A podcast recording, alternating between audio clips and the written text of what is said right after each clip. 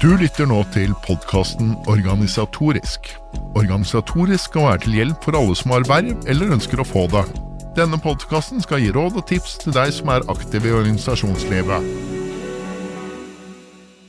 Velkommen til eh, denne podkasten Organisatorisk, en ny utgave av den. Dagens tema i dag er det å holde taler, eller ta ord i større forsamlinger.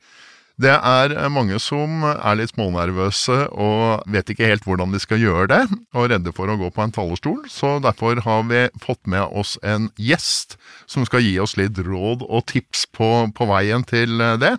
Så i studio i dag så har vi med oss Mina Gerhardsen, som har skrevet boken Å lykkes med taler. Men som den observante lytter kanskje har oppdaget, så har hun en litt kjent etternavn. Ja, hun er barnebarnet til Einar Gerhardsen, datter av Rune Gerhardsen og Tove Strand. Men hun er langt mer enn barnebarnet til. Hun har vært talerskriver for Thorvald Stoltenberg, Jonas Gahr Støre, Jens Stoltenberg, og nå er hun generalsekretær i Nasjonalforeningen for folkehelsen. Velkommen til deg, Mina. Tusen takk. Eplet faller ikke langt fra stammen, heter det. Hvordan var det å vokse opp i en slik talefør familie? Jeg var jo veldig vant til at 1. mai så reiste vi rundt dit den i familien skulle holde tale. Så er det å stå og høre på en eller annen fra familien der oppe, det er jeg jo veldig vant til. Mm. Og så pappa, han var jo veldig opptatt av dette med taler og kvaliteten og finne fine formuleringene og viktig aldri være kjedelig. Så han hadde jo alltid i lomma en sånn blyant og en liten lapp i tilfelle han kom på en bra tanke han kunne bruke en tale senere. Så den derre respekten for folks tid, og at du skal ha noe å komme med når du går på talerstolen, den har jeg veldig hjemmefra. Ja, det er bra. Det er bra. Men eh, nok om bakgrunnen din. Eh, du har skrevet bok 'Hvordan lykkes som taler'. Kan du gi oss noen gode råd og tips for hvordan en kan bli en bedre taler, og ikke minst hvordan du holder nervene under kontroll når man skal opp på en talerstol? Når vi starter med siste, så er jo det å ha litt nerver, det er, har jo nesten alle. Man snakker om glossofobi, noe som 75 av oss er rammet av, altså frykt for å holde. Og måten vi håndterer det på, det ene er jo Det finnes jo liksom en triks. Puste dypt, hoppe, sette opp et stort falskt smil, så lurer du hjernen til å tro at du er blid. Du hopper ned, du lurer hjernen til å tro at du slapper av. Det er litt sånne ting. Men det aller beste er jo å stille forberedt. Og rett og slett ha gjort forhåndsjobben, så du veit hva du skal gjøre når du kommer opp der, og kan framføre det på en god måte. Så det er jo det ene. Forberedelse er jo det aller viktigste. Den troen på at det finnes de naturlige, spontane, gode talerne, den er veldig sjelden at det finnes noen sånne.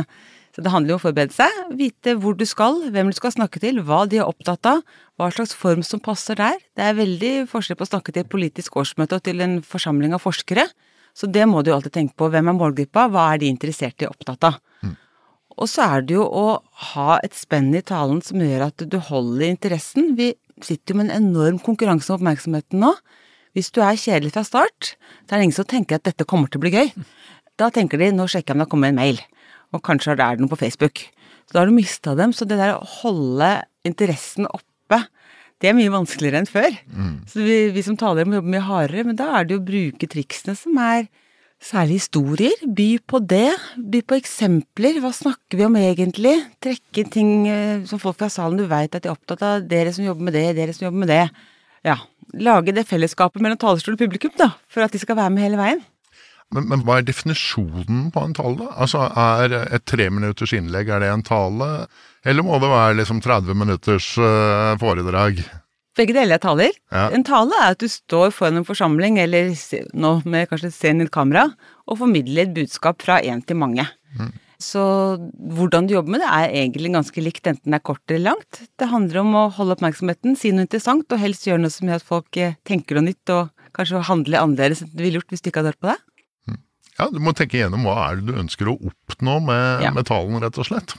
Og det er utrolig viktig, fordi at folk eh, Først og fremst er vi konkurranseoppmerksomheten. Det andre er at vi, folk får med seg utrolig lite av det som sies. For det er så mange budskap i løpet av et mm. møte eller en dag. Mm.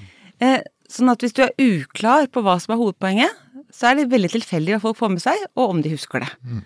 Så det er gamle visdomsord fra Churchill om at hvis du har noe viktig å si, så ikke prøv å være subtil, bare hamre det inn, og så hamrer du det en gang til, og så snur du deg og smeller med en slegge med et kjempebang. Så kan du få til å sitte. Ja. Nei, og jeg har en historie om Churchill, nemlig. Ja. For han eh, blei jo sagt at han var jo helt fantastisk på talerstolen. Han er en av de beste talerne eh, som kanskje har levd. Og så fikk han så mye skryt fordi at han holdt talen uten manus. Og når han fikk skryt for det, så har han sagt ja, men denne talen har jeg skrevet fire ganger. Mm. Ikke sant? Så det sier jo litt om hvilken forberedelse egentlig taler krever. Du må forberede deg, du, du, skal ikke bare ta det på sparket. For da blir det ofte dårlig, og du mister forsamlingen. Det er akkurat det. Så det, selv de beste øver jo masse, og det er da det blir bra. Mm. Hva, du, liksom, hva må du først og fremst tenke igjennom når du skal holde eller skrive en tale, da? Det er jo dette med det etterlatte budskapet. Hva sitter igjen etterpå? Og den deprimerende kunnskapen er jo at når folk går ut etter rommet og tør på det, så har de glemt halvparten allerede idet de forlater døra, eh, mm. og uka etter har de glemt 90% Så du har 10 å jobbe med. Mm. Og da er det ganske viktig at det er riktig 10% at det er det viktige budskapet om hva vi trenger nå, hvorfor du må stemme på dette eller støtte dette, og ikke at det er den gøye vitsen din. Så det jeg tenker, dette er poenget mitt, det er dette de skal ha med seg, og så bygger du resten rundt det. Og for å få folk til å huske det, så må du legge på de virkemidlene som skal til eh, for at man faktisk eh, ikke bare skjønner poenget i det du sier det, men har det med seg også neste uke. Men, og den gøye vitsen, den bør vel formidle noe om det du ønsker å formidle, den òg? Det er akkurat det. Så hvis ja. du har sånne ting som Du veit at det skaper god stemning i salen, men det forstyrrer egentlig den jobben du skal gjøre, så ikke gjør det. Nei. Rett og slett. Er det noen sånn klassiske feil Altså, hva, hva, du, har hørt, du, har skrevet mange taler deg, og så ja. har du hørt mange taler. Er det noen klassiske feil eh, som eh, talere gjør? Det er jo flere. altså Det er jo nettopp det vi snakker om nå, ikke har forberedt seg. Og det verste jeg hører, er folk som åpenbart har fått et manus i hånda, som de ikke har lest, går opp og framfører, og da mm. blir det jo dårlig. Mm. Eller det passer ikke til dem. Den der troen på at alle kan bruke samme manus. Ingen skal bruke samme manus. Du må gjøre det til ditt. Så det er kanskje de to hovedfellene, og så er det jo sånn rare ting folk gjør. Man starter med å si ja, jeg har jo ikke forberedt meg i dag, eller det var ikke meg som skulle være her, eller jeg kan ikke så mye om dette. Så du egentlig sier vet du hva, dette blir dårlig, så bare la være å høre på. Så man snakker det seg sjøl før man har begynt en gang. Du må jo gå inn der som litt sånn performer. Akkurat da er du stjerna i rommet, akkurat da er du lederen i møtet. Da må du levere på det. Dag Terje, du har holdt mye taler opp gjennom årene du òg. Eh, er det noen uh, lærdommer uh, du kan uh, bringe til torgs? Nei, altså, Til det Mina sier om at liksom, å gå opp med en annens manus og lese det opp, det er det verste jeg opplever. Personlig så har jeg i større taler aldri brukt manus, men jeg har brukt mye mer tid på å organisere stikkord, tidsangivelser i stikkordslista mi og sånn, og antageligvis brukt mindre tid hvis jeg bare hadde skrevet ut en tale, men for meg så er en tale mer ekte når du på en måte veit hvilke, som du sier, hva er budskapet jeg skal ha fram. Men hvis du eksempel da reiser som gjest til et årsmøte i et fylkesparti og har anledning til å være der litt før det begynner og sånn, så kan det hende du peller opp nettopp de bildene som understreker de poengene du har sagt du skal ha fram. Så jeg syns mange taler som har holdt med utgangspunkt i manus, og særlig manus som har skrevet av andre, er kjedelig å høre på. Noen ganger har jeg tenkt kunne du ikke bare sendt det manuset? Eh, så det er viktig. Og så bare en liten detalj knytta til, for dere har vært inne på alt fra tre kvarters foredrag til tre minutters innlegg.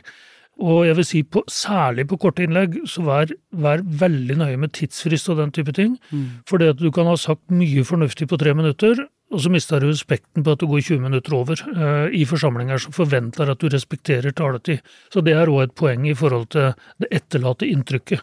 La det bli budskapet, og ja. ikke det at du ikke holdt taletida di, for å si det sånn. Det er veldig viktig. Og det, det, er også tilbake til dette med å ha øvd, å vite hvor lang tid du bruker. Ja. Og også noen ganger så mister du lyden etter tre minutter. Hvis du da har brukt eh, to minutter på å si at jeg er veldig glad for å være her, dette er et viktig tema, takk til eh, Øystein som holdt det så fin tale i stad. Så hvis du har småprata deg fram, og så mista du den tida til poenget. Så det der å komme i gang med en gang når det er kort tid, og nettopp være interessant fra første linje. Og det har vært veldig interessant å se når en er nøye på det med taletid, f.eks. Ja. på Arbeiderpartiets landsmøter, hvor mange som klokker inn på 2,57. Ikke sant? Nettopp med utgangspunkt i at, som du sier, de har trena. Ja. De, mange, altså hvis du er nervøs og skal bruke et manus, og det er kanskje enda viktigere på korte taler når du skal holde tida, mm. så er det altså ganske mange som står foran speilene og holder talen, fordi at det noen lar seg lure, er at hvis du leser igjennom et manus, så tar det mye kortere tid enn å holde en tale. Og det er bedre å på en måte understreke poengene med litt færre ord, altså, forberede litt kortere tid, Ja. enn å prøve å få sagt mest mulig i løpet av tre minutter, for da er det ingen som husker noen ting. Det er veldig lurt å ha tid til å puste, som det står der. Det er alltid lurt å, å kunne puste, er det ikke? Ofte en fordel. ja. Og så hvis jeg får lov til å si en ting til som er helt enig med av det som er sagt, så, så er det det med målgruppe. Altså tenke på hvem du snakker til, om du snakker til forskere eller om du snakker til folk i et idrettslag. Altså ta utgangspunkt i de som skal lytte på deg, og ikke ditt eget behov for å få sagt ting som du kunne sagt hvor som helst. For ja, det går på sånne konkrete ting som la være å bruke stammespråk, for eksempel. I politikken så er det jo masse forkortelser. Og det er ikke minst innenfor det feltet du jobber nå, så er det en masse forkortelser som gjør at hvis du bruker de forkortelsene, så sitter folk og tenker gjennom hva var det det betydde for noe, og så får ikke med seg hovedpoenget som kommer rett etterpå. Ja, det der er utrolig viktig, og så har jeg tenkt en del på det, for det er, passer jo egentlig aldri med de forkortelsene. Jeg har aldri tenkt at talen ble bedre av det. Jeg, nå jobber jeg med helse, jeg jobber med bistand. Det blir jo veldig fort fremmedgjørende. Og så det, vi klarer jo å få inn hele ordet og setningen eh, hvis vi tenker litt, er bevisst på det. fordi at eh, hvis folk faller av fordi de ikke skjønner hva du sier, så er du i hvert fall sjanseløs på å nå gjennom budskapet ditt. Ja. Og så en ting til, da, det er som de sier at det er dumt å bruke fremmedord hvis det finnes relevante norske synonymer. Absolutt. Eh, godt sagt, eh, Dag Terje. Ikke sant? Og det er, altså, det er jo noen som eh, er opptatt av å flotte seg, ikke sant? Mer enn det å få frem budskapet til de du prater til. Så skal de vise at de kan noe, at de ja. prater et kanskje litt fremmedartig språk og bruker mye engelske uttrykk eller fremmedord eller trebokstavsforkortelser. Og der er vel rådet ganske klart. Hold deg unna det. Tenk på den forsamlingen du skal prate til. Ja, både å bruke ord folk forstår, men også fylle ordene med innhold. For jeg syns jo ganske ofte man hører på fagforedrag som bare er på overskriftene, at du snakker om det grønne skiftet, men hva betyr det? Digital omstilling, hva da? Helseteknologi, men hva mener du egentlig? Og det blir jo ikke interessant før du får det ned på detaljnivå. Så snakker vi om helseteknologi, betydningen av det, så betyr det GPS, som gjør at mennesker med demens kan gå trygt på tur uten å bli borte. Det betyr at du har en sengesensor som gjør at eh, hjemmesykepleien ikke trenger deg hjem og sjekke at du ligger i senga. Så vi må ha de konkrete eksemplene for at skal, folk skal henge med, og at det skal bli interessant. Og det er ganske mange som holder seg der oppe, og da faller folk av.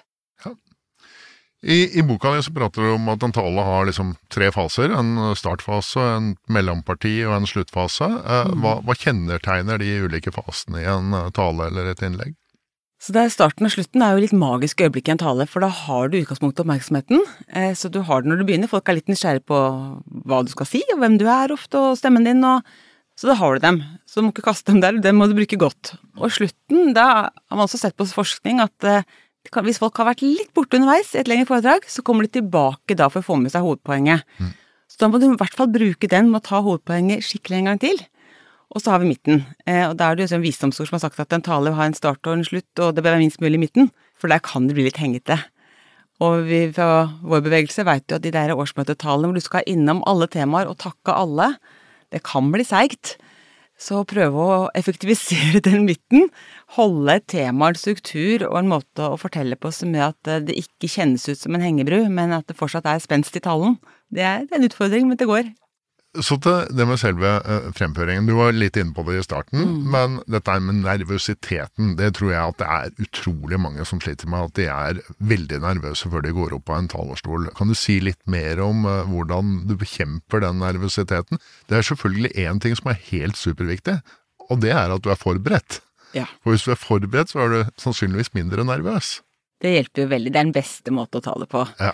Så syns jeg det er litt interessant å forstå hvorfor vi reagerer som vi gjør. For her vi har jo helt meningsløse reaksjoner på, på den type angst. Vi får jo hjertebank, klamme hender, altså stressreaksjoner som er kjempebra hvis vi skal løpe fra bjørn eller nabostammen. Helt meningsløst når du skal prestere på en scene. Så bare det å skjønne at kroppen min reagerer nå på stress og fare, dette er ikke farlig. Det kommer ikke til å bli spist av bjørn, det er ikke sikkert det blir stående applaus, men det blir ikke farlig. Bare først ta den første, og så er det jo det vi snakket om i stad, med litt pusting og ja, mange har litt sånne ritualer. Jeg, puster veldig dypt, eh, jeg får veldig hjertebank hvis jeg skal eksempel på Dagsnytt 18. Den er litt stressende. Det er du enig i, Dag Terje? Det blir litt puls fra de har ringt til du er ferdig. Eh, bare snu seg litt vekk fra andre, puste dypt noen ganger, og så er du klar. Så litt sånne ting kan du gjøre, men hovedtingen er jo å ha jobba godt med innhold, tenkt hvem du skal nå med den talen, hva som skal sitte igjen, og nettopp ta seg den tida foran speilet og framføre, så du veit at 'jeg kan det'. Det sitter. Og så er jo altså Alle vi tre i studio her har jo vært på møter hvor vi har talerstol. Og det kan jo ofte være en, en fordel. Eh, Jeg pleier i hvert fall eh, de jeg har hatt på kurs opp igjennom årene og sånt, å si at hold godt fast i talerstolen. At da får du ut nervøsiteten. Sett sjøbein, eh, sånn at du på en måte får litt nervøsiteten ut i beina. At du ikke står og vagler. Altså, det er jo noen som står på ett bein og går sånn frem og tilbake eh, på talerstolen. Alt mulig sånt nå tar jo også bort oppmerksomheten fra det du ønsker å si. Så hvis du faktisk er veldig nervøs, så oppdager også forsamlinga det. Men du skal jo også være litt nervøs for å ha en tale som det er nerve i. Hvis, du, hvis du ikke er nervøs i det hele tatt, så blir det ikke noen god tale. Den angsten gir også ekstra energi, tenker Ja. jeg. Så, og, og hvis du ikke er litt nervøs, så har du ikke nok respekt for oppdraget heller. Du skal stå der, bruke masse menneskers tid. Da bør du ha litt bitte grann angst. Men jeg syns det er viktig å si om å ikke ødelegge for deg sjøl med fikling og uvaner. Sånn at eh, hvis du er klar over at du er en som rasler med ting i lomma, ta brillene av og på, eh, for kan det stå og tråkke, som du sier. Det er mye rart man kan finne på. Og da er nettopp det å holde seg godt fast i talerstolen og stå stille.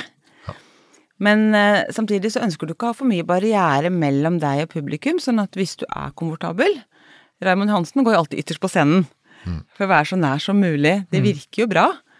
Og i hvert fall i det minste unngå det en del gjør, stille seg med ryggen til for å lese høyt av powerpointen. Da mister du i hvert fall kontakten med publikum og oppmerksomheten. Og så er det selvfølgelig sånn at uh, dette er jo noe du aldri ble utlært i. Du har vært taleskriver for Jens Stoltenberg. Eh, jeg tror at han er en av de som fortsatt trener mest på å holde taler. Da vi jobba sammen, i hvert fall, så øvde han mye. Altså Før landsmøtet for nyttårstale, det er klart han øvde for det. Store, viktige taler. Ja, ikke sant? Og, og, så selv de som vi oppfatter som veldig gode talere, Ja. bruker mye tid på å forberede seg og øve på det budskapet de skal eh, Ja. formidle.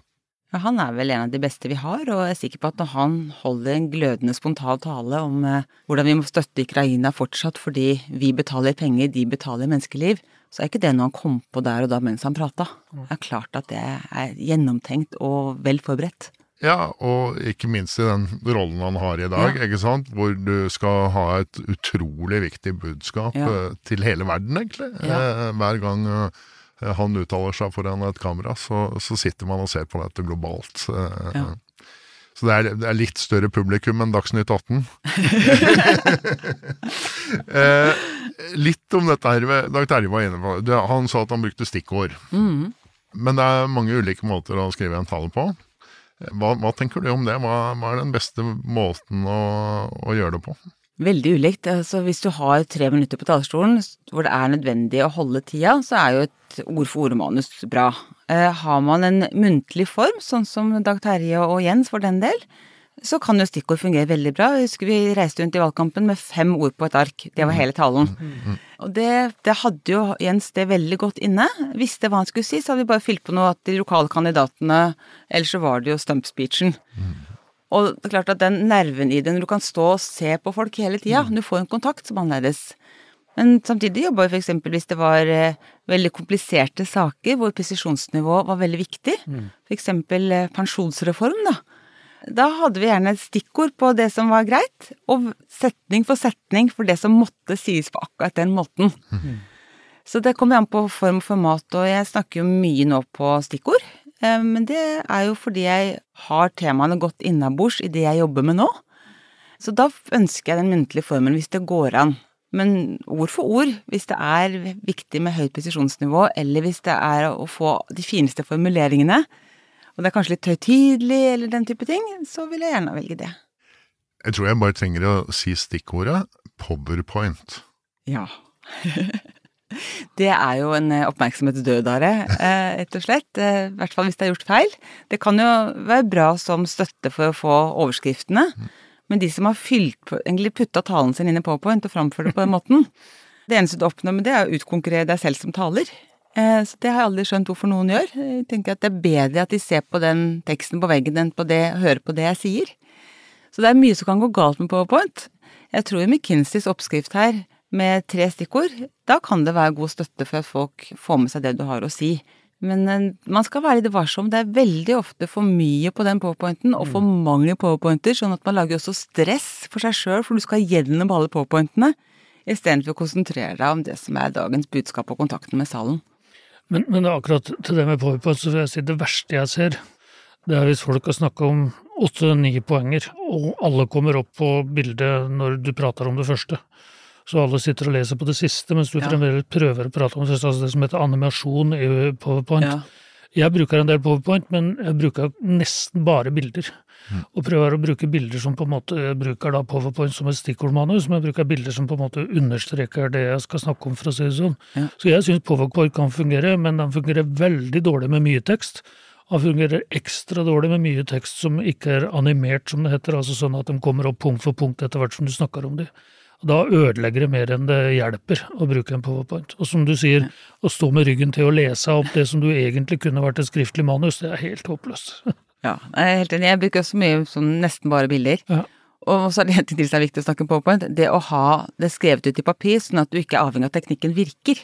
For det er også vondt å se på de som eh, står der helt hjelpeløse uten noen ting å si, hvis det ble noe feil med eh, visninga. Så ha en plan B, i hvert fall, hvis det er tallene talen din. Men felles, enten du bruker powerpoint med bare bilder, eller det du sa i, i stad om pensjonsreformen, det er brukt vel for så Jens og jeg det samme manus, for da var jeg statsråd Ikke sant? Eh, så er det, det, det som må ligge i bånn, er at du må kunne stoffet godt. Ja. Og, og jo mer du skal snakke fritt, jo mer en tid må du faktisk ha brukt på å sette deg inn i stoffet. Alle kan lese opp et manus, mer eller mindre vellykka. Mm, Men generelt, eh, og ikke minst i forhold til det å være trygg, det å kunne stoffet, det gir trygghet, og det gir på en måte autoritet til det du sier. Selv om du ikke sier alle detaljer du kan, så skal du være trygg på at det kommer oppfølgingsspørsmål der som går på detaljnivå, så veit jeg hva svaret er. Ikke sant? Det er den tilliten du trenger også for å være overbevisende som taler. Og det, det leder meg eh, sånn litt så avslutningsvis eh, til et spørsmål om eh, Altså, det vi prater om PowerPoint, altså dere sier bruk bilder, ikke sant? Og det dreier seg om liksom visualisering av budskapet. Og det er noe av det du også er opptatt av eh, i språklig sett i, i boka du har skrevet. Altså historiefortelling, ikke sant. Og det dreier seg om egentlig å skape bilder i hodene på folk. Og hvordan, hvordan klarer man det? Det å bruke historier, det er jo det aller mest effektive vi kan gjøre.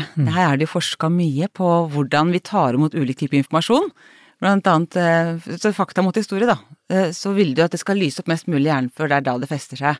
Så Noen små glimt på fakta, og så kan det lyse store områder på historier. Det er det som fester, det er det vi trenger for å lære, og det handler jo om åssen vi som mennesker har lært oss å lære å ta inn kunnskap. Det var jo gjennom historiefortellingen, rundt leirbålet og foran peisen. Så det er sånn vi liker å få informasjon, eh, og det er det som virker. Så vi, vi trenger menneskene og fargene og lukta og rett og slett rammene for å være med i det temaet du snakker om. Og en historie kan være så mye. Det kan jo være slag om Waterloo til eh, første skoledag. Eller eh, den klassiske På vei til kirken dag, som heter jeg nå. Men det å gi folk litt liv og sjel og knagge temaet på, da er sjansen for at jeg husker det neste uke, veldig mye større. Jeg, jeg, jeg hørte jeg, tror det var Odd Einar Dørum som pleide alltid å bruke det i debatter. Så sa han at jeg har ti gode eksempler, men jeg rekker bare å ta tre av dem nå. Eh, men eh, eh, hvis du nå avslutningsvis skulle gi tre virkelig gode tips til de som skal ut og holde en tale. Forbered deg, tenk på budskap som skal sitte igjen, og øv. Da kan jeg tilføye den fjerde. Kjøp boka til Mina. Eh, Den er fortsatt å få tak i i bokhandelen. Den gir masse gode og nyttige tips eh, om det å skrive taler og det å fremføre taler. Eh, Så det er Jeg bare sier som man sier i reklamen, løp og kjøp. Så sier vi hjertelig tusen takk til at du hadde lyst og mulighet til å være med oss her i dag. Takk for at jeg fikk komme. Da er det bare å avslutte denne episoden her av podkasten organisatorisk. Du hadde ikke meldt inn noe på eventuelt, hadde du det, Dag Terje? Nei, nei, nei. nei. Er, Nei. Her lytta vi til ekspertisen. Det er bra. Eh, Da sier vi bare at eh, møtet er hevet. Du har nå lyttet til podkasten Organisatorisk. Vi tar gjerne imot tips til saker som vi kan behandle i podkasten. Du finner oss på Facebook, eller du kan sende oss en mail på post at organisatorisk.no. På gjensyn. Møtet er hevet. Podkasten Organisatorisk presenteres av Norgesbarometeret AS. Norgesbarometeret leverer alt av meningsmålinger og analyser og er spesialister på medlemsundersøkelser. Alle organisasjoner er avhengige av å vite hva medlemmene tenker. Er de fornøyde? Er det noe de savner, eller noe som kan forbedres? Alt dette, og enda mer, kan Norgesbarometeret gi deg svar på. Ta kontakt, eller finn ut mer på norgesbarometeret.no.